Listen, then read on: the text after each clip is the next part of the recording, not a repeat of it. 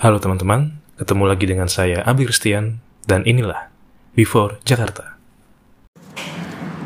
Before Jakarta, episode yang kesekian kalinya dan kali ini eh, saya kedatangan seorang yang spesial karena gimana ya perasaannya tuh kayak ketemu lagi dengan Arek Surabaya. Aku aku bilang kayak gitu karena dulu ya kan aku sedikit sedikit banyak cerita kalau aku pernah di Jawa Timur di Mojokerto. 6 tahun dan kadang kalau misalnya itu kan karena faktor pekerjaan orang tua. Kadang yang terjadi adalah kalau misalnya aku itu cus ke sana gitu sama bapak sama ibu gitu ya itu kadang teman-teman bapak tuh ngeguyonin eh, teman lainnya satu sama lain tuh kayak dengan oh ancana iki ada Surabaya gitu kayak kayak. Heeh, terus kayak anjir gitu. Eh, ya, yang jelas pokoknya ketika dari Mojokerto ke Surabaya jujur emang yang kurasa pace pace nya udah udah mulai beda. Tapi kan memang aku di Mojokerto sekolah di Surabaya buat main dulu sebelum akhirnya ada mall di Mojokerto. Teman-teman bersama dengan saya Muhammad Torik Cendiatama. Wes Rick gimana kabar? Oke baik mas, baik banget alhamdulillah ini. Mas Abdul sendiri gimana ini? aku baik lah ya. Ya tuh Eh, ini langsung dari semasa semasa kopi cabang Siranda kalau orang bilang. Tanjakan menuju kantor lah ya. Eh, gini. Aku selalu mulai sekarang podcastku dengan ngobrol ke orang tuh gini kayak pertama waktu itu gimana kita bisa ketemu atau oh at least recognize satu sama lain lah ya. Ini kalau dari sisiku dulu ya. Dulu itu iya di kantor kan emang ada aku nggak tahu ada berapa torik setahu aku dua bener dua nggak? Betul, ada Oke. dua. Dan waktu itu Mas April ngiranya aku adalah Torik yang satunya. dulu gimana cara kita bedainnya Eh, karena yang satunya Iya. itu namanya pakai A. Eh, maaf, Tarik. oh oh tulisannya Ya betul. Kalau aku Torik, emang oh ya ya. Kalau dia A. Oh, oh iya deh bener. Eh, terus tuh ini yang terjadi itu salah kira dan eh, yang paling ikonik itu gini. Dulu waktu zamannya komputernya pada penuh, kita kan ke atas. Itu aku inget banget. Onitsuka Tiger nggak atau apa tuh? Kalau Iya. Ega. Edisi apa? itu edisinya aku kurang tahu Hmm. karena cuman waktu itu kebetulan ceritanya tuh ada teman lagi butuh rumah Oke. PU Iya. jual si slip on on it suka tigernya ini Bilangnya slip on ya? iya slip on karena yang di series itu nggak ada talinya Enggak ini beneran. beneran jadi memang apa ya namanya ya, desainnya tuh kayak nggak pakai tali gitu walaupun ada bolongan I- iya iya. Enggak, ku pikir itu kamu cuma ya udah ku lepas dulu. Ternyata emang gitu. memang gitu Bisa kita bilang sam prinsipnya sama kayak sepatu wakai nggak? Yang emang ya udah tinggal masuk aja sih. Iya. Oke. Satu itu, terus eh, kayak dari aku mention, ih, orang suka tiger gitu kan, aku bilang gitu. Eh, ya karena dulu kita berkutat di hal-hal yang berbau dengan barang-barang palsu jadinya kayak aku kayak penasaran kayak wah itu berapa harganya? Gitu gitu kan. Itu itu eh, dapatnya dari mana belinya di mana gitu gitu terus eh, kamu sempat mention bahwa di rumah juga kamu ada ini correct me if I'm wrong ya Adidas. Adidas yang di rumah Adidas apa? Kalau di rumah sekarang masih ada Adidas London, Heeh. terus Hamburg kalau nggak salah. Cuman tinggal beberapa pair sisa gitu loh mas. Yang Dan- yang lainnya soalnya udah aku jual karena aku merasa udah merasa cukup lah untuk main di ngumpulin sepatu karena kamu juga bilang ke aku waktu itu sepa, eh, sepatu tuh mungkin kayak motor ibaratnya memang setiap harinya harus kita pakai. Dan memakai sepatu itu adalah eh, salah satu cara untuk merawat sepatu itu sebenarnya terus ngobrol-ngobrol-ngobrol eh, lama kelamaan saya lihat dirimu wow Patagon Pa- Patagonia. Bilangnya jaket apa rompi? Itu face face rompi. Anjir, aku kayak yang wah kenapa teman-teman saya memakai eh, brand-brand yang aku bisa familiar karena faktor kerjaan gitu loh Kayak, wah nice. Nice tenan ini nice tenan gitu. Eh, terus ya Rik? Kenapa pada akhirnya aku excited dan kepengen berpodcast denganmu tuh? Ya ibaratnya walaupun kita jarang berbicara banget dan lebih sering bicara karena sekarang udah sedivisi jatuhnya itu adalah eh, aku pengen ada pembicaraan ya ini di luar di luar di luar tadi aku bilang filosofi area Surabaya ya. Tapi aku cuma kepengen ada pembicaraan antara aku dan kamu yang eh ini akan kujadikan sebagai media buat kenal kamu lebih dalam. Gitu. Eh, dan aku kayak udah ada aja nih banyak banyak pertanyaan di sini. Tapi untuk yang paling pertama brief aku dong ceritain masa kecil tuh gimana? Lahir mana kalau boleh tahu?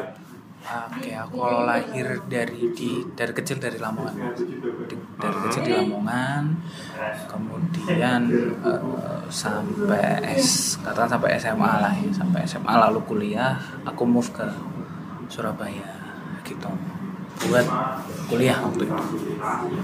murni buat kuliah atau atau gimana? Iya murni buat kuliah. Posisi orang tua udah di Eh, waktu itu posisi orang tua sudah di Lamongan semuanya. dan kebetulan eh, waktu S kelas tiga pokoknya mau kuliah itu ditinggal sama ibu. Oke ibu ya? Iya. Oh. kelas 3 mau kuliah? Iya, akhir-akhir mau UN udah gue oke ya emang emang tinggal kelulusan iya Oke. Dan sekarang berarti posisinya kalau keluarga tinggal bapak, terus abang kakak sama aku anak ketiga dari tiga. betul Oke oke. Eh,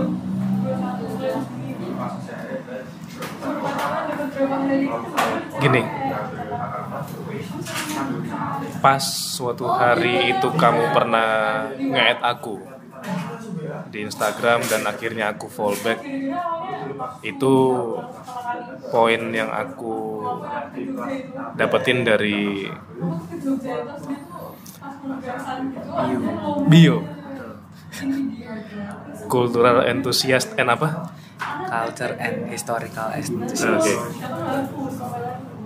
ceritain ke aku kenapa sampai bisa nulis bio kayak gitu Eh, pada awalnya aku eh, awal dari SMP itu tertarik dengan yang sekarang kita kenal dengan Jogja Hip Hop Foundation gitu. Jadi aku tertariknya pertama dari musik mas. Lalu kemudian ya mungkin waktu SMP tuh ada anak suka hip hop itu ya satu hal yang ya out of nowhere gitu lah. Yang lain pada, pada suka. Hip hopnya mur- murni Indo atau kamu sempat ini nggak? Sempat kayak eh terkena efek hip hop luar atau gimana sih? Enggak jadi murni hip hop Jawa Jawa, Jawa hip hop terus? Eh, pada waktu itu eh, terkenal aku tahunya gara- gara-gara mereka bikin movement yang namanya poetry battle. Jadi di mana poetry battle itu isinya di mana para pelaku-pelaku hip hop ini membuat lagu dari puisi-puisi yang sudah ada. oke terus Nah, jadi jadi waktu itu tuh ada mungkin kalau saat ini mungkin ada di PMB atau atau kemudian ada Jahanam ada Rotra ada Muha- Marzuki Muhammad atau Iya. Jaldi DJ Iya iya, Marzuki Muhammad kan Betul. Betul. DJ itu. Dan orang Jogja ya. betul Heeh. dan ya memang karena culture-nya dari sana Hmm.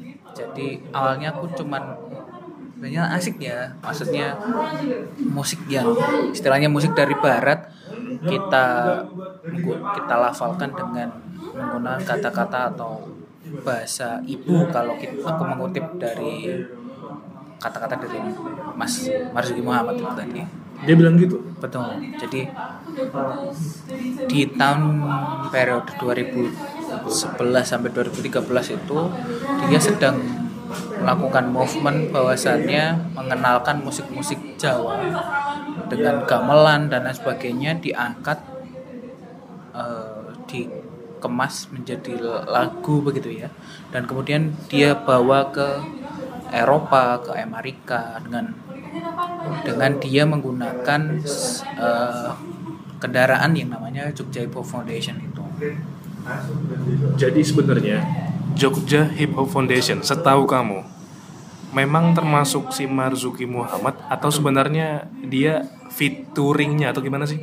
Eh, jadi Jogja Hip Hop Foundation setahu aku ya itu dulu itu adalah gabungan dari tiga tiga grup eh, hip hop di Jogja Jahanam yaitu Mas Belen sama Mas Mamo kemudian Rotra itu Mas kalau nama panggungnya itu Ki Ageng Gatas Oke. yang satu Mas Marzuki Muhammad ini sendiri Berarti dia dia awalnya bukan solois, emang udah tergabung dalam sebuah grup. yang ditemu diketemukan di Poetry Battle itu sendiri. Sebenarnya lagu yang uh, berapa bulan ini terakhir lagi hype-hype-nya yaitu Sengguni Ledalide Eh, yang ku tahu kan cuma Jogja Istimewa. Itu termasuk Jogja Foundation ya. Terus Nah, yaitu itu sudah lagu yang lama yang ada di Poetry Battle itu sendiri. Jadi kalau nggak salah itu ada be- memang beberapa dari single-single yang ada di Poetry Battle itu sendiri kemudian di remake lagi oleh si Jogja Foundation ini jadi lagunya mereka dan itu ada beberapa album kalau nggak salah yang di album pertama mereka Semar Mesem Romo Mendem kalau nggak salah. oke. heeh. dan itu kebanyakan puisi-puisi dari Romo Sindunata Malah dari Romo. betul Romo Sindunata dan ada beberapa puisi-puisi dari Pupuh atau serat centini atau serat-serat Jawa yang kuno mereka bawakan dengan ya musik-musik hip hop gitu lah dan isinya memang kalau aku setelah aku perjalannya waktu ini memang isinya itu dalam banget. Seperti ada satu lagu dari mereka yang menurutku itu filosofis banget yaitu namanya ngelmu pring. Dalam satu baitnya itu berisi kayak pring kuning tegese kandel len iling kandel margo ling timbang guru timbang nopo swing terus ada lagi pring hapus urep kuwi hapus aja mau ngembuh etok etok ora weruh. Pring pokoknya isinya falsafah dari pohon berbagai pohon bambu. Nah, untuk yang tadi dua dua eh, kalimat tadi itu, dua dua bagian itu, kalau diartiin artinya apa? Eh, kalau yang tadi itu istilahnya jadi jadi orang itu seperti tegak seperti seperti pohon bambu gitu lah Hmm. yang tegas yang punya apa ya misalnya punya apa sih namanya? Gagasan yang nggak bisa di ini loh aku. Aku seperti ini. Nah, kemudian ada beberapa yang istilahnya tuh kalau di filsafat Jawa itu eh, kalau kalau berani jangan kamu jadi takut. Tapi kalau kamu takut kamu jangan berani berani oh oke oke oke gitu. Ada beberapa ya filsafat filsafat seperti itu yang is yang apa? Karena kebanyakan kitab-kitab orang Jawa itu meng, apa ya, ar- mengartikan bahasanya ingat akan Tuhanmu ingat akan asalmu dan dari mana dari mana kamu berasal dan ke mana kamu akan kembali. Kebanyakan sih gitu. Yang aku yang aku apa ya yang aku tahu lah. Dari beberapa beberapa lagu-lagu mereka. Intinya kayak kalau kamu simpulkan dari lirik-lirik itu ujung-ujungnya berbicara tentang tadi itu ya. Ingat asal ke mana kamu akan kembali. Anjir gara-gara kamu ngomong gini aku keinget eh, gara-gara kamu bilang ingat ke mana kamu akan kembali ya dan ingat asal tuh jadi keinget sosok ibu ya. Eh, gara-gara aku nonton ini sebenarnya bukan nonton tapi kayak aku kemarin mengikuti alur film.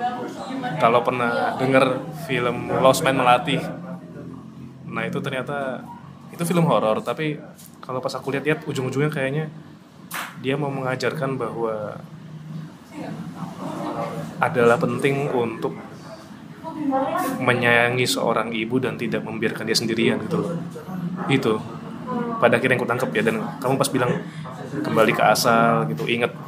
Mungkin lebih ke aku pas mengartikan apa yang kamu bilang ingat kepada siapa yang membesarkan.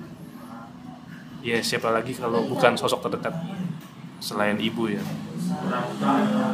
Perjalanan menjadi kalau misalnya aku aku boleh bilang dirimu adalah seorang antusias budaya gitu ya sebenarnya masih ber, masih berjalan sampai sekarang atau kayak oh ya udah cukup sekedar untuk mengagumi si tadi tokoh Marzuki Muhammad segala macam atau gimana sih?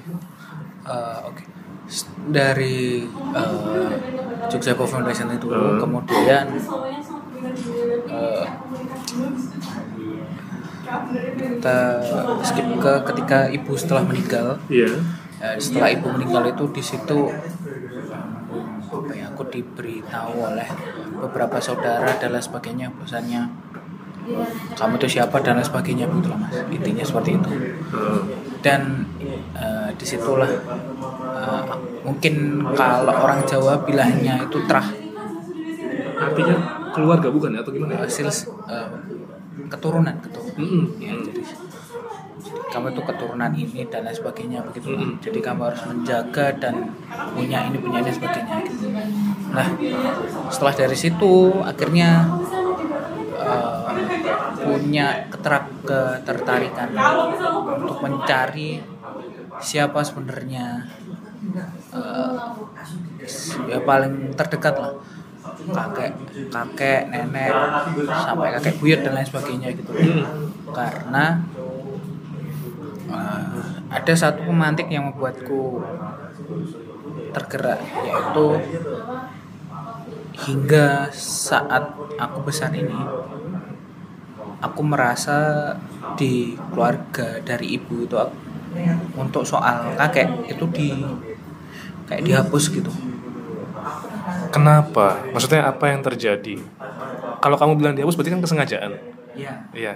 Kenapa tuh jadi dua jadi kakek dan nenekku dari ibu dua dulu adalah dua orang yang istilahnya kalau sekarang itu mantri. Mantri suntik atau apa ya? Atau kayak dokter gitulah ya mas. Bukan dukun ya beda ya? Ah. memang kayak perawat atau gimana gitu. Iya. mantri suntik istilahnya. Kalau kalau zaman dulu bilangnya mantri suntik nah kakekku ini eh, ya mungkin dulu zaman itu eh, kan judi kan masih legal ya Oh iya, iya. ada kupon dan lain sebagainya togel dan lain sebagainya Iya, dan turunannya itulah Iya. Nah, mungkin pada saat itu kakekku adalah salah satu orang yang bisa dikatakan orang besar. Orang besar dan sukses di bidang itu. di bidangnya ya. Di bidang gambling itu tadi. Dan kebanyakan aku keinget God of Gambler. Stephen Chow anjir. Chow Yun Fat. Ya terus terus. Dan eh, kebanyakan orang-orang yang bermain itu, itu adalah orang-orang yang kalangannya di menengah ke atas. Dan dulu kebanyakan orang-orang menengah ke atas ada orang-orang yang berafiliasi dengan paham kiri. Oke nah mungkin karena ada satu dan keirian ya. ya namanya apa ya kehidupan di di kehidupan inilah Iya, kan ada iya. orang yang iri. Kok dia bisa ya kayak gitu ya? Iya iya akhirnya di jebak lah. Begitu. termasuk di fitnah. Betul. Dan akhirnya aku hanya mendapatkan titik terang di situ aja. Entah entah beliau ini sekarang masih hidup dan di diasing waktu itu diasingkan Iya. kemudian atau dibunuh secara, ya kita nggak pernah tahu kita nggak pernah tahu ya setelah itu aku mera- merasa di ditutup gitu aja jadi kemudian eh, aku hanya dikenalkan dengan kakek diriku sekarang ini yang ada di Madiun gitu. Dan entah bagaimana gimana nenekku dulu itu ya memilihnya karena kedua-duanya ini sama-sama bandar. Dan di kehidupan modern ini saya masih melihat beliau. Begitulah. Berarti kamu sorry baru baru tahunya bahwa itu kakek tiri usia berapa? Oh dari kecil oh. Dari kecil. Karena dikenalkan bahwasanya ini dulu eh, yang T itu nikah kok nikah lagi. Sama kalau almarhum ibu dulu manggilnya Om Is oke. Sama Om Is gitu. Emang udah dikenalkan. Kalau yang kakek tiri ini memang udah dikenalkan. Karena dari waktu kecil ya memang mainnya sama beliau gitu. Jadi kalau misal pulang ke Madiun ya sama beliau gitu. Karena si Yanti itu meninggal kalau nggak salah dua bulan setelah lahir ya, jadi aku lahir di ya? kayaknya dia, beliau meninggalnya di Agustus atau September gitu. Gitu. Berarti bisa dibilang memang sempat melakukan penelusuran terhadap silsilah keluarga untuk mengetahui ini sebenarnya seperti apa ya gitu. Berarti eh, ya yang aku tadi cu- cuma bisa bilang cuma mau bilang bahwa kayaknya agak riskan untuk meneruskan. Tuh, makanya aku tadi hati-hati banget Iya. ngomongnya. Soalnya ya kita kan diwariskan dengan konflik-konflik horizontal seperti Oh iya, itu yang terus? yang seharusnya mungkin saat ini udah saatnya berdamai dengan hal-hal itu. Iya. Dan ya gimana ya mas? Ya begitulah kehidupan Iya iya iya.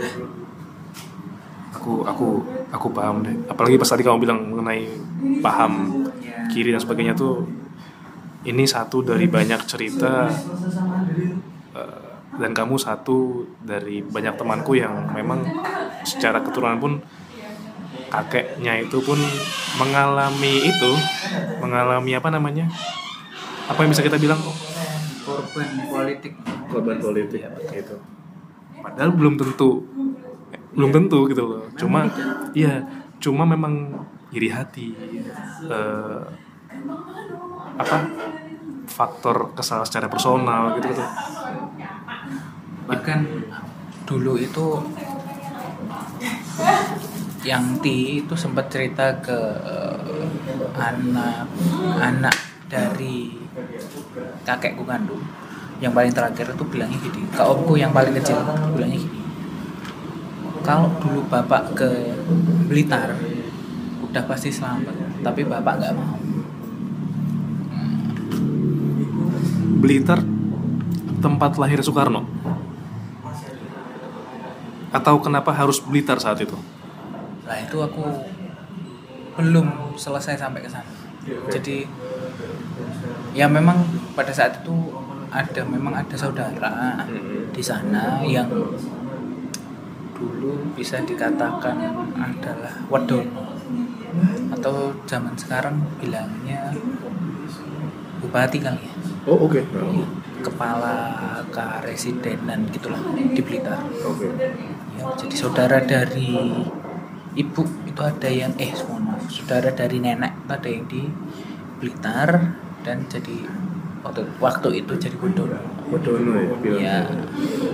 Lah mungkin dengan maksudnya dengan beliau lari ke sana mungkin meminta perlindungan atau bagaimana gitu ya. Tapi kakekku nggak mau. Jadi mungkin mereka sebenarnya udah tahu ya akan iya. akan kayak gitu akhirnya. Tapi mereka memilih untuk ya sudahlah nggak apa-apa. Ya, kar- ya dari situlah terus akhirnya menemukan bahwasannya eh, nenek ini adalah punya terah dari Solo dan kakek itu juga punya terah dari Jogja. Les situ aku akhirnya istilahnya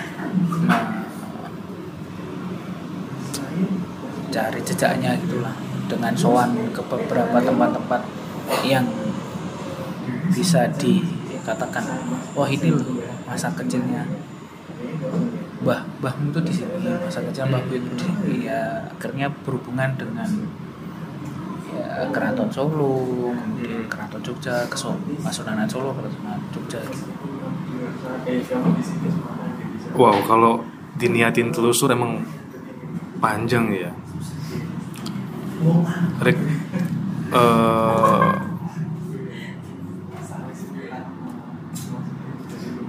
sepertinya Jawa Timur itu kan kayak erat atau kental denganmu ya. Ini di mataku terus eh, tadi aku sempat mention perkara masa kecil gitu. Tapi sebelum aku mau bahas apa yang pernah kamu mention ke aku eh, kita pernah kita pernah berbicara di suatu cerita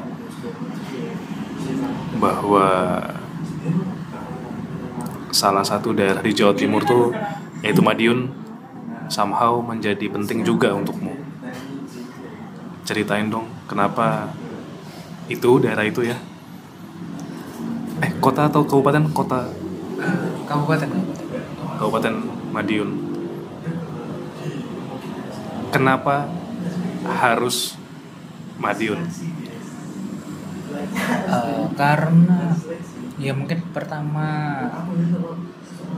eh, dulu rumah kakek di sana rumah Oke. kakek dan nenek di, di Madiun kakeknya dari? Kalau nenek itu dari Solo kakek dari Jogja.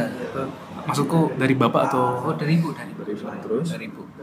Nah, eh, karena ya kenangan masa kecil lah mas. Maksudnya di sana. Di sana itu aku merasa bahasanya aku nggak seberapa besar pun atau seberapa berhasilnya aku di kota itu nggak nggak berpengaruh apa apa di sana.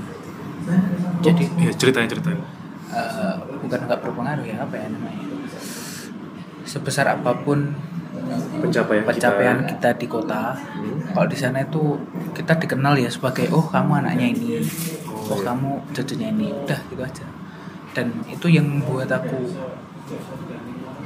into ke situ. Maksudnya dari dari berbagai kota yang aku pernah hidup gitu ya. Heeh. di Lamongan di Surabaya gitu. Aku lebih memilih di Madiun karena aku nggak terbebani dengan nama besar orang tua Oke. kemudian nggak terbebani kamu udah jadi apa kamu nah lalu Kamu PNS enggak ya? Gitu. kayak gitu, ya. ya kayak gitu lah.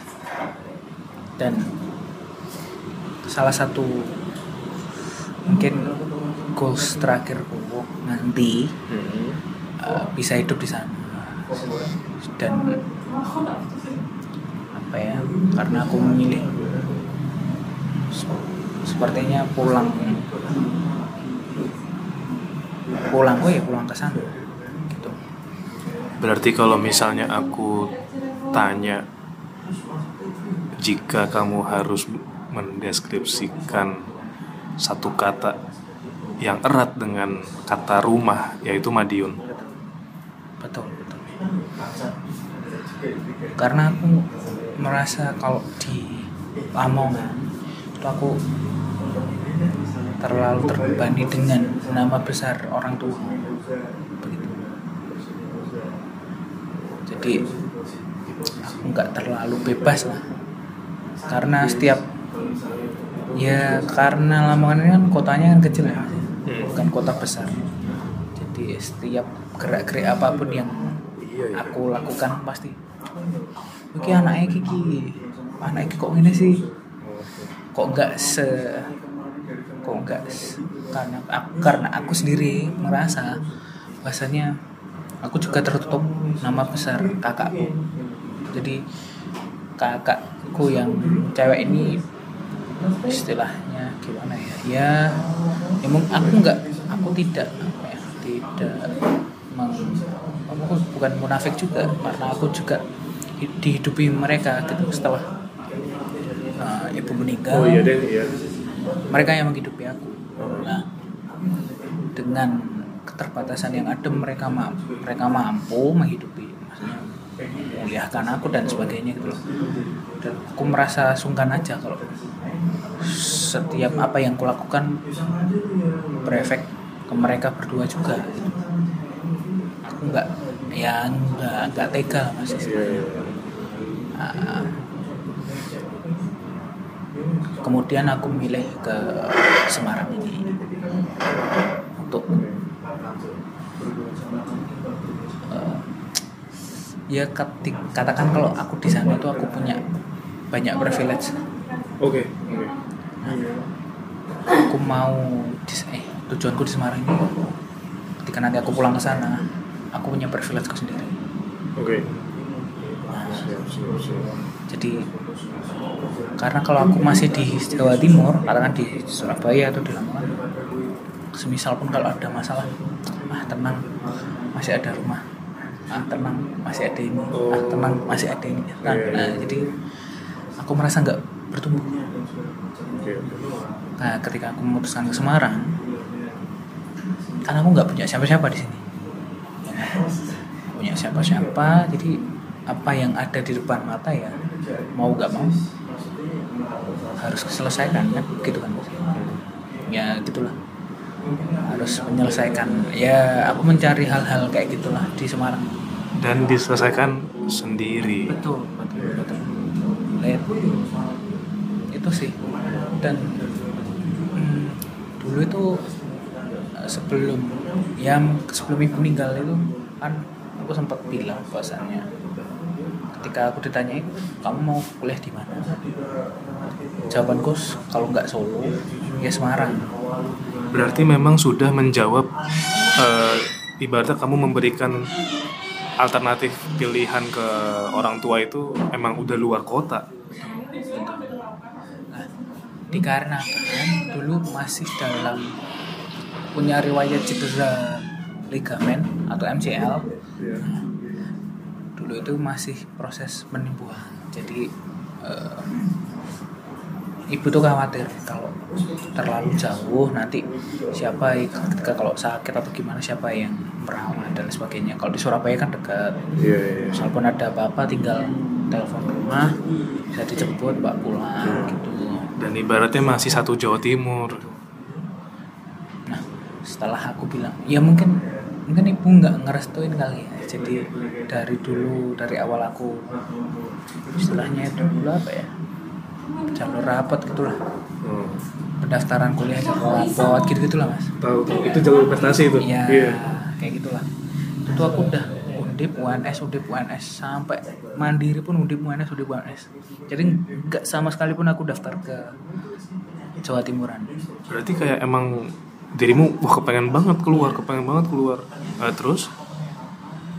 Ya aku bilang ya mungkin ibu nggak nggak ngerestuin itu jadi sekeras apa pun aku me- berjuang kalau nggak ada restu dari beliau kan nggak bakalan nggak bakalan diterima lah sekali aku daftar di Jawa Timur itu di UNER UNER kemudian sempat dulu di zamanku tuh ada istilahnya itu di website waktu pengumuman UNER itu sempat error jadi yang pertama kita buka keterima Iya. selanjutnya gagal Oh shit. Nah, akhirnya tuh rame tuh mas. Waktu zamanku kuliah tuh rame, rame banget lah.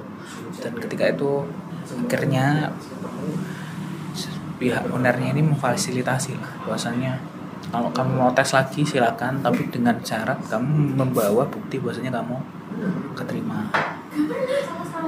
Nah, Apa nggak capek? ya makanya Hmm. aku mikirnya udah, wah udah ini pasti udah ya permainan uang ini banyak-banyakan Oke. nyumbang gitu lah istilahnya gitu Iya. jadinya ya udah aku aku fucked up lah aku meninggalkan itu akhirnya terakhir yang buka itu cuman Unesa sama Brawijaya kalau nggak salah. Dan akhirnya ketika milih di Unesa dan Brawijaya dua-duanya keterima. Tapi aku nanya ke orang omku lah om dan lain sebagainya nih enaknya gimana udah akhirnya milihnya ke Unesa karena ya keterkaitan dengan dekat dengan rumah dan sebagainya. Kalau Malang kan jaraknya mungkin dua jam atau dua jam setengah dari Lamongan. Kalau dari di Surabaya kan cuma sejam atau sejam setengah. Eh, udah ada tol belum sih waktu itu? udah udah udah. Udah udah. Gitu. Ya dan selama aku kuliah aku merasa merasa banget bahasanya ibu itu udah menyiapkan skena eh bukan skenario ya gimana ya? ibu itu udah merancang gitu loh mas kalau kamu tuh harusnya kuliah di sini nanti kamu ketemu ini ketemu aku ngerasa kayak gitu mas jadi Apa yang membuatmu ngerasa seperti itu? Apa aja yang kamu temukan dan bisa kamu bilang bahwa kayaknya ini yang sudah dalam tanda kutip dirancang oleh ibu. At least salah satunya. Hmm, ibu itu sudah punya uang beasiswa buat aku. Nah, kemudian aku ditemukan dengan ya ini mungkin aku ngomongnya perjalanan spiritual ya. Cuman dengan orang yang istilahnya ini loh kalau kamu mau tanya-tanya kayak gini tanya kayak gini. Kalau kamu istilahnya kalau mau ke bidang spiritual tanya kayak gini gitu sih. Jadi aku merasanya ah ini pasti pilihannya ibu gitu. Karena ketemunya pun secara tidak sengaja gitu mas. Jadi eh, ibunya teman aku itu tuh pernah bilang ke teman aku ini tadi biasanya ada satu orang yang kayak kamu dan itu akan membuktikan bahasanya eh, ibu itu enggak halu ibu itu enggak bisa bisa nge-proof bahasanya kamu itu enggak sendirian enggak baik. Nah, ketemunya di situ. Dan aku merasa mungkin ya karena pada saat pada saat itu penuh dengan apa ya mas? Eh, so dark banget lah. Dengan bokap yang akhirnya meret lagi dan sebagainya. Sampai sempat di mana akhirnya aku menemukan jawaban bahwasannya ibu ini eh, istilahnya tuh salah mempertaruhkan. Jadinya harusnya yang disiapkan itu aku. Hmm. karena pada saat itu lagi kacau lah. Iya. dimilihnya ke bapak. Oke. lah mungkin ya mungkin. Dia merasa bersalah kalau "Ah, yang kupertaruhkan salah dan harusnya aku nyiapin ini nih. Gitu buat aku nih. Nah itu sempet berapa bulan ya? Ya aku sempat merasa eh, beliau datang dan menyampaikan beberapa pesan-pesan. Sampai ketika saat satu hal yang ini aku nggak bisa aku nalar ya. Tujuh hari berturut-turut itu aku dimimpiin. Beliau beliau datang bahasanya beliau bilang bapak nikah lagi bapak nikah lagi bapak nikah lagi bapak nikah lagi. Sebelum- Sebelum beneran terjadi. And then ketika aku pulang aku main di ke tempat teman aku ke ya istilahnya geng aku lah mas nah, aku tuh waktu itu lihat handphonenya dia baca-baca chat gitu lah Oke. Nggak sengaja nih. nggak sengaja beneran nggak sengaja nggak sengaja. dan dia aku nggak aku belum cerita kalau bahasanya ada hal itu Oke, oke.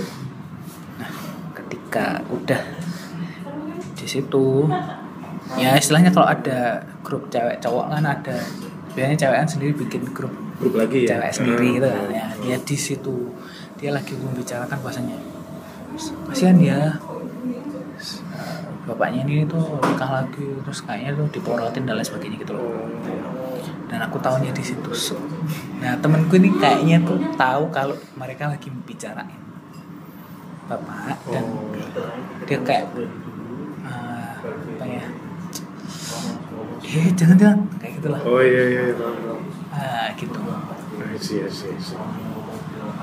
ya, akhirnya ya akhirnya dari situ terus aku apa ya berapa kali tuh aku kayak balik. Misal kan aku biasanya kalau dari di Surabaya itu at least dari Senin sampai Jumat lah Sabtu Minggu pasti balik. Karena di rumah ngurusin. Dan ada banyak hal yang aku harus urusin waktu itu. Waktu itu karena masih salah satunya masih di Persela kemudian hmm, selalu aku nyempatin ke makam. Untuk tanya kenapa sih? Ada apa sih? Oke. ya akhirnya terjawab lah bahasanya ya itu tadi karena ibu merasa gagal untuk pertaruhannya itu tadi gitu sih Oke oke. Bentar. Tak minum sih bentar. Untungnya bisa di pause. Oke setelah istirahat kita mulai laga lagi. Eh, Rick tadi kan udah cerita tentang ibu juga. Kalau secara timeline berarti dirimu ini karena, karena tadi kamu juga ngomong perkara perkuliahan. Dirimu berarti ngambil apa dulu? akuntansi. Di Universitas Negeri Surabaya. Unesa. Setelah lulus kan berarti nggak langsung Semarang ya tapi kerja sebagai? SN eh, konsultan pajak. Sebenarnya se- sekarang ini masih ada keinginan untuk kembali ke jalur itu atau gimana? eh at least karena bapak punya perusahaan Hmm. yang berjalan di bidang konstruksi nah, niatnya nanti aku akan kembali ke jalur itu tapi di megang punya bapak itu tadi gitu Oke. Dan itu ibaratnya agenda yang mungkin masih lama ya, bukan dalam waktu dekat kamu akan ah tak cus sana sih balik lagi gitu. karena pada saat ini mungkin masih bisa ditinggal ya mas. Maksudnya belum belum perlu aku yang harus belum urgent. Urgent. belum urgent. Nanti ketika udah aku udah siap nanti aku yang nanti bakal Sendiri, balik ya. lah. Ada ada masanya lah gitu oke udah bicara masalah antusiasmemu dalam budaya segala macam. Ini aku mau masuk ke kayak aku punya agenda dua lagi nih untuk untuk bahas dua hal lagi nih. Di suatu waktu kita pernah bertemu aku kaget bahwa dirimu mendengarkan lagu-lagu Batak terus aku sempat ngerasa kenapa anak ini lebih Batak daripada saya gitu. Kayak wah dia dia hafal dia oh dirimu ya? Dirimu hafal dirimu tahu dirimu sing a song dengan artisnya. Kayak lagu-lagu yang aku nggak tahu gitu loh. Ya mungkin lagu-lagu yang familiar yang memang sering diputar. Lihat saya di pesta Batak kan kayak anak Medan terus mungkin kalau kalau dulu juga ada sampai sekarang sih eh, lagu yang sifatnya agak rohani kayak di sana dong hubungan Tuhan kayak di sini aku bawa Tuhan gitu kan. Terus habis itu ada saya Anju Maal gitu gitu ya ya aku bertemu dengan Peter Huta Barat iya. Eh, eh, iya Opung Huta Barat. Terus ya kita mengenal beberapa MC pembawa acara Coki Sitohang. Terus yang semarga dengan saya Valentino Jeder Simanjuntak segala macam. Rick kenapa? Ini pertanyaan pertanyaanku sama yang tadi udah aku bilang kenapa dirimu bisa sebatak itu? Eh, ini dimulai ketika berhubungan dengan mantan gitu. oke. yang aku awalnya nggak tahu kalau dia orang Batak. Karena di namanya itu nggak cuma disingkat aja. PR titik S. Ya mungkin aku mikirnya oh namanya kepanjangan. Jadi disingkat. Oke. Setelah lamanya jalan hubungan ketika aku udah mulai agak serius ya main ke rumahnya dan sebagainya bapaknya tuh selalu bilang kalau kalau bisa sama yang guru Batak juga ya oh sempet ngomong gitu setiap aku main setiap aku Oh. mau ngajak main dia bapaknya bilang gitu ke cewek anak itu Iya. ke anaknya Nah, ya aku pertamanya nganggapnya tuh kalau ya guyon guyonan aja. oh tes berarti mental gitu. berarti berarti ngomong gitu ada kamu atau dan ya aku nangkepnya biasa aja Iya. karena pada saat itu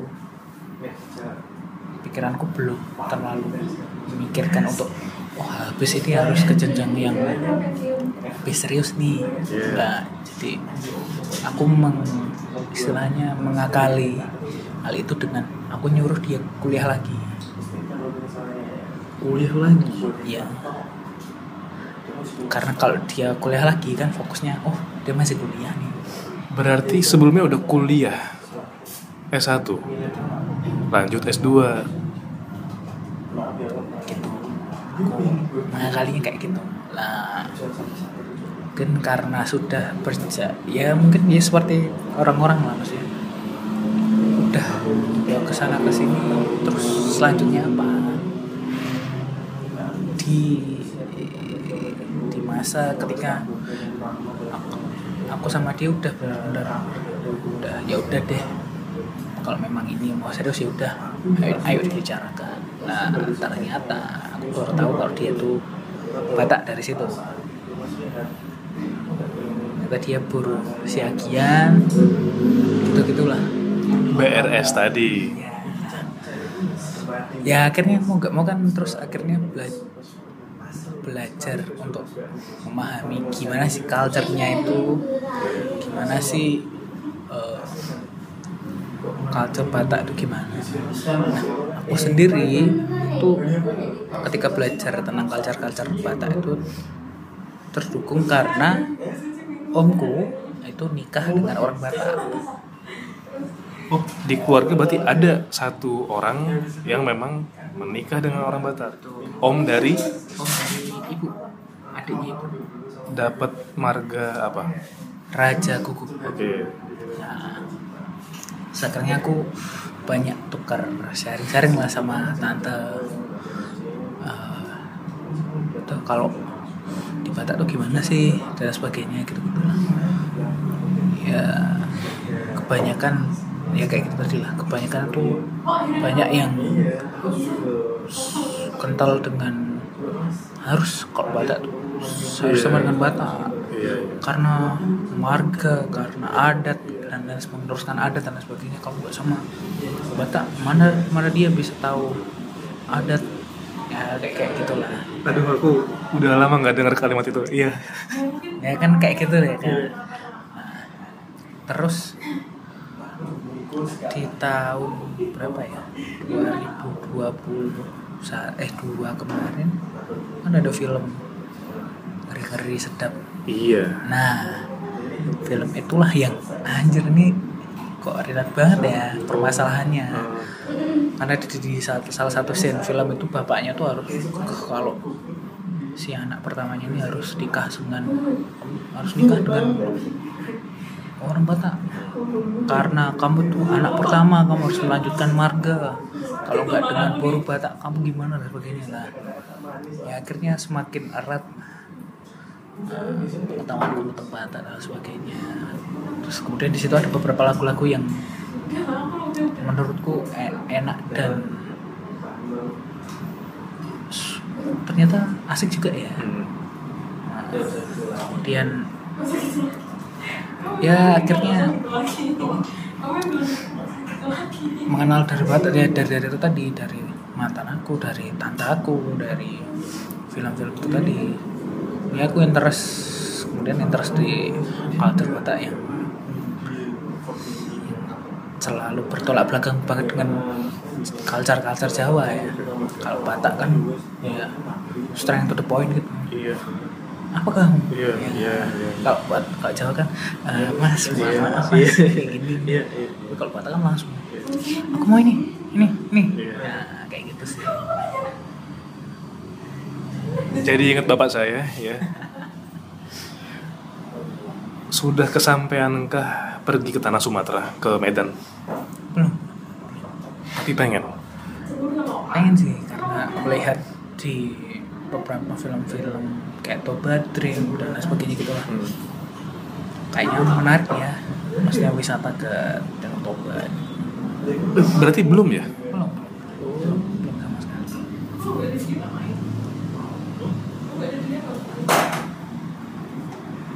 Saranku harus sih. Even aku yang orang Batak tidak terlalu dekat dengan adat, tapi saranku kalau memang ada rezeki dan kesempatan, udah harus kamu datengin itu.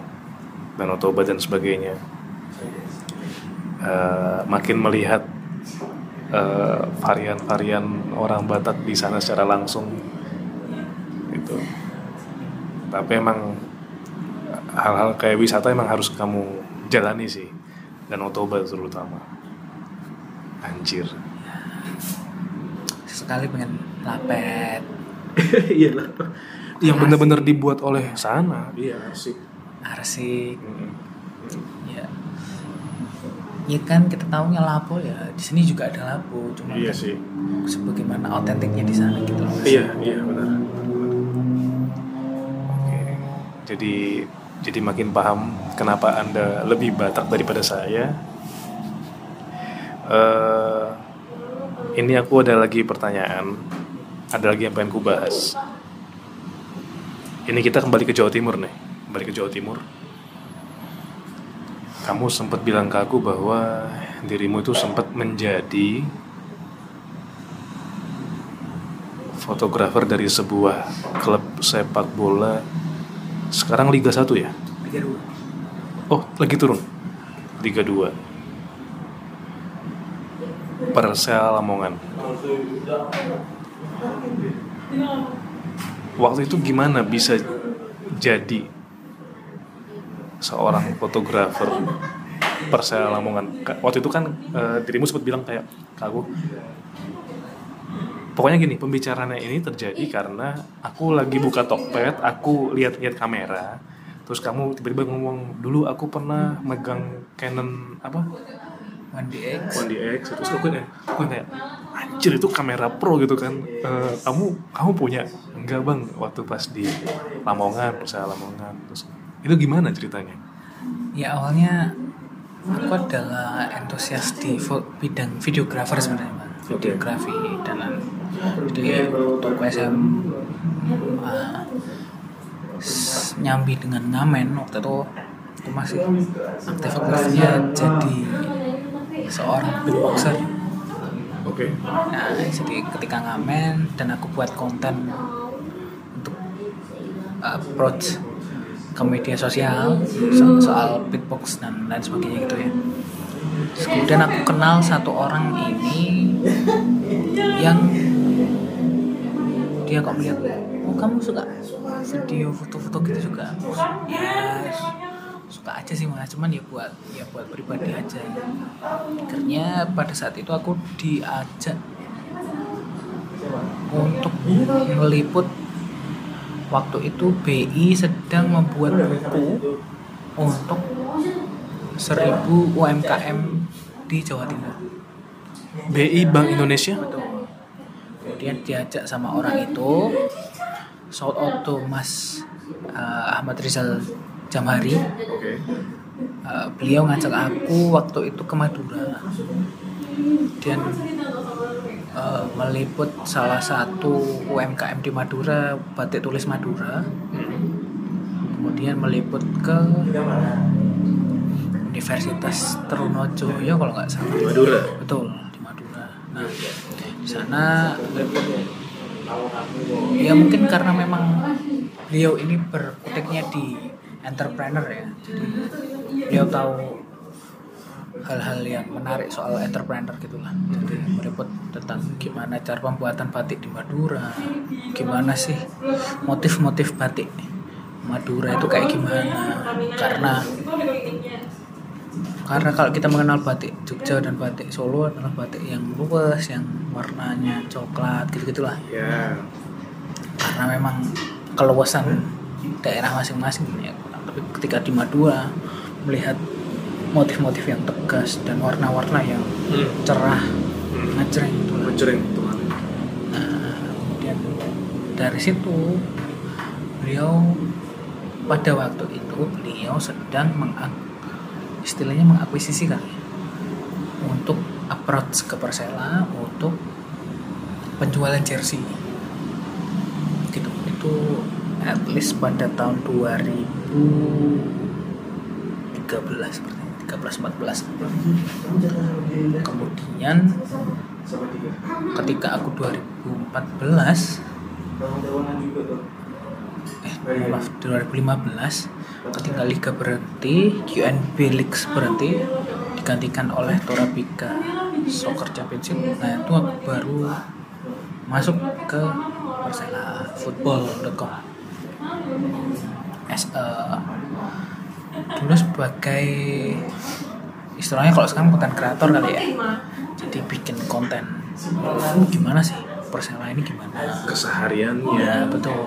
Kemudian nge-adminin berapa dulu tuh kalau ada beberapa subjek yang kayak misalnya YouTube kemudian website Instagram Twitter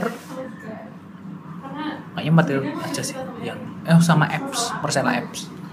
Berarti bisa jadi untuk sekarang posisimu itu kalau di jabatan sekarang ya sosial media spesialis. Nah. Kayak gitu. Ya di situ aku bertemu dengan tim-tim yang ya, dengan budget minimalis tapi bisa bikin sesuatu yang wow gitulah waktu itu masih tergabung dalam Liga 1 betul masih di Liga 1 masih di Liga Utama. Kemudian ketika aku kuliah karena aku memutuskan untuk resign. Ya fokus untuk Betul. kuliah. Dan aku masih sampai sekarang aku masih penasaran dengan harusnya aku harus bisa berbuat lebih nih oh ya dengan maksudnya dengan hal yang aku bisa kayak karena pada saat itu aku dikasih kesempatan juga hmm. untuk masuk ke Persela Statistik. Oh oke oke ini ini menarik menarik. Karena pada saat ini ya karena kemajuan sepak bola modern ini akhirnya aku memutuskan untuk fokus ke sana. Karena kan dengan aku sudah mulai bosan dengan pekerjaan ini. Oke. Pasti di Semarang ini aku sudah mulai bosan jadi aku sedang approach ke sana dengan beberapa beberapa kali mengikuti sesi uh, sertifikasi begitulah. Dan sekarang sedang mengambil uh, lisensi D di kepelatihan PSSI itu yang saya pengen tanya juga gara-gara lihat storymu kayak wah anak ini future coach nih future manager target pribadinya? Mu apa sih?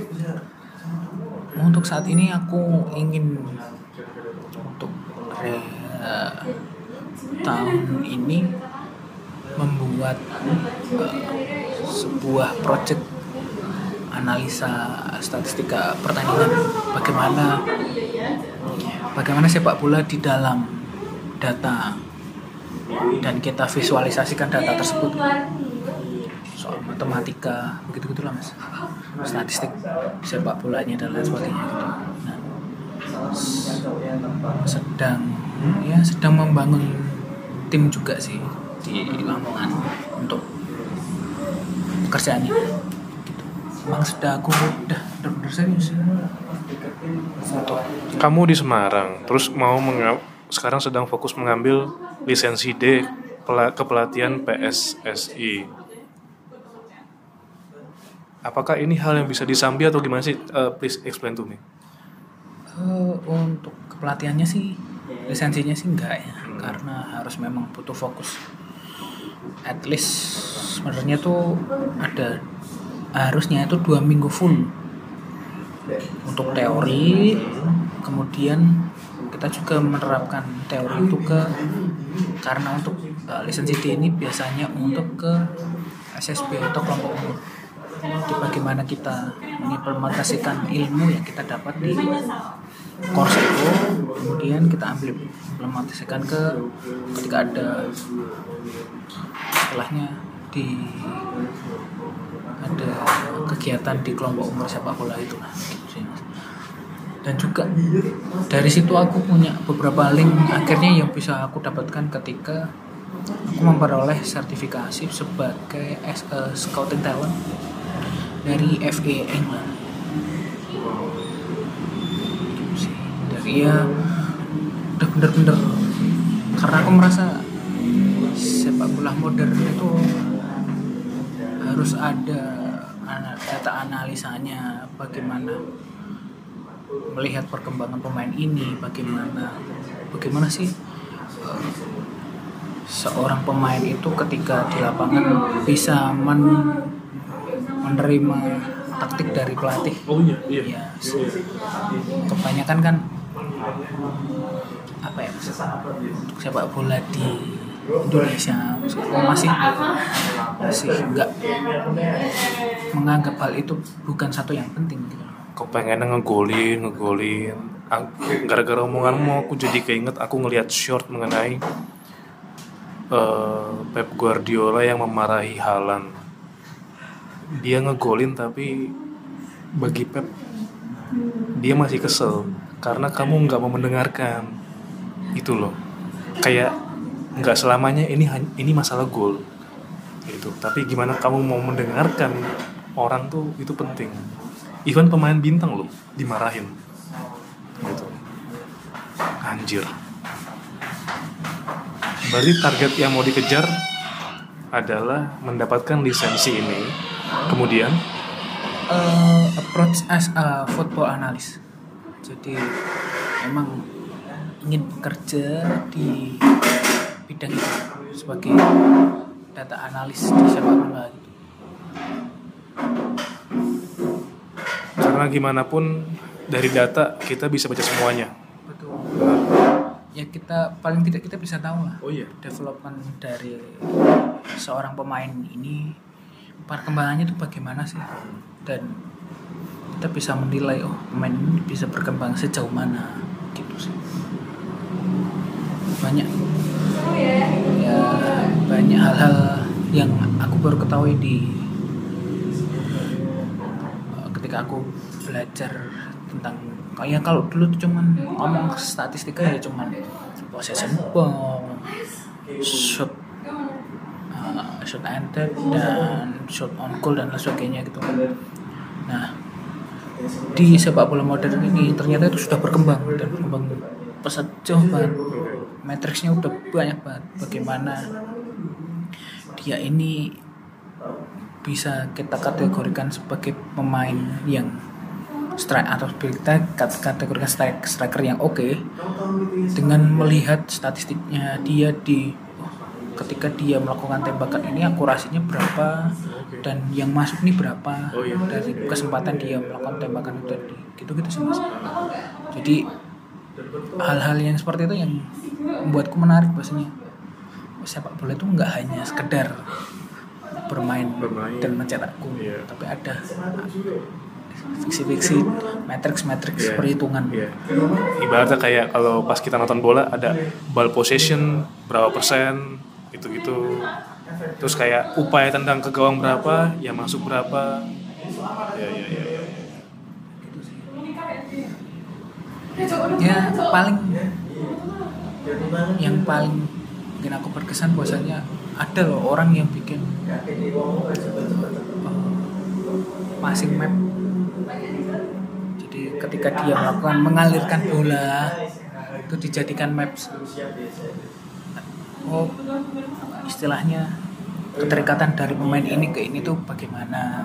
Kita bisa nilai di situ gitu. Dan kita bisa juga menilai jalannya taktikal bola dari situ juga. Taktik dari pelatih ini jalan apa tidak itu dari situ juga gitu, gitu sih.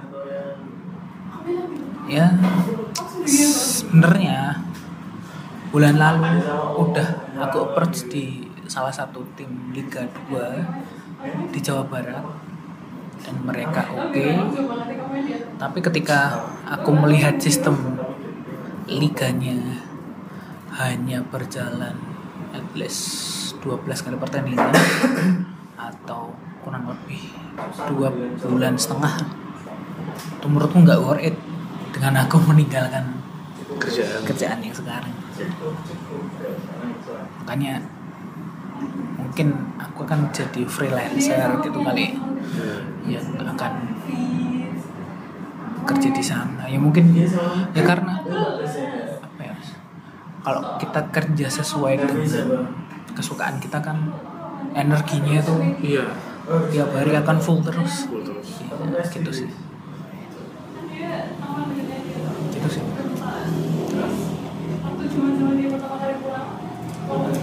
Wow. Anjir, aku membayangkan dirimu menjadi seorang analis, tapi bayangan di otakku adalah dirimu menjadi coach sih sebenarnya. Ya, ya apa pun itu ya, aku aminkan yang baik-baik. Eh, Rick, kita udah di penghujung acara. Dirimu ada yang mau disampaikan nggak? Entah untukku, entah untuk siapa pun. Eh, di dunia yang sudah nggak tahu seberapa cepatnya ini. Iya. kita harus jadi baik. Entah apa pun itu output dari orang lain gitu. Jadi istilahnya kita menebar kasih kalau di bahasa agar karena kita nggak tahu kebaikan mana yang akan bisa menyelamatkan kita di fase-fase kehidupan selanjutnya. Oke.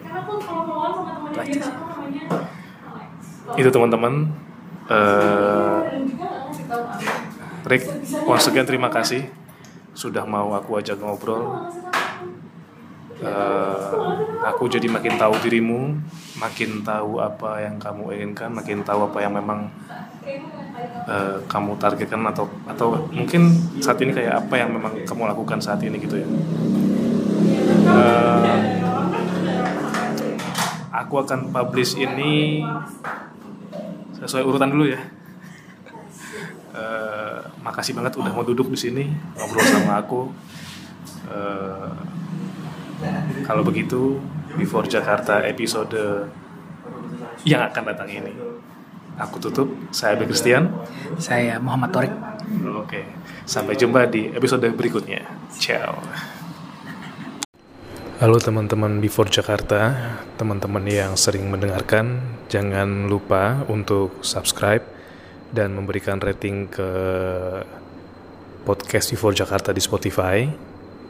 Lalu, jika teman-teman somehow merasa podcast ini bermanfaat atau baik gitu ya, dalam hal apa pun, eh, teman-teman jika berkenan bisa mendukungku lewat sawerianya Before Jakarta yang mana linknya sudah tertera di bio profile podcast di Spotify. Dan di Instagramku at abiel ya abilang saja sih. At a b i e l a n g s a j a. Itu aja dulu. Terima kasih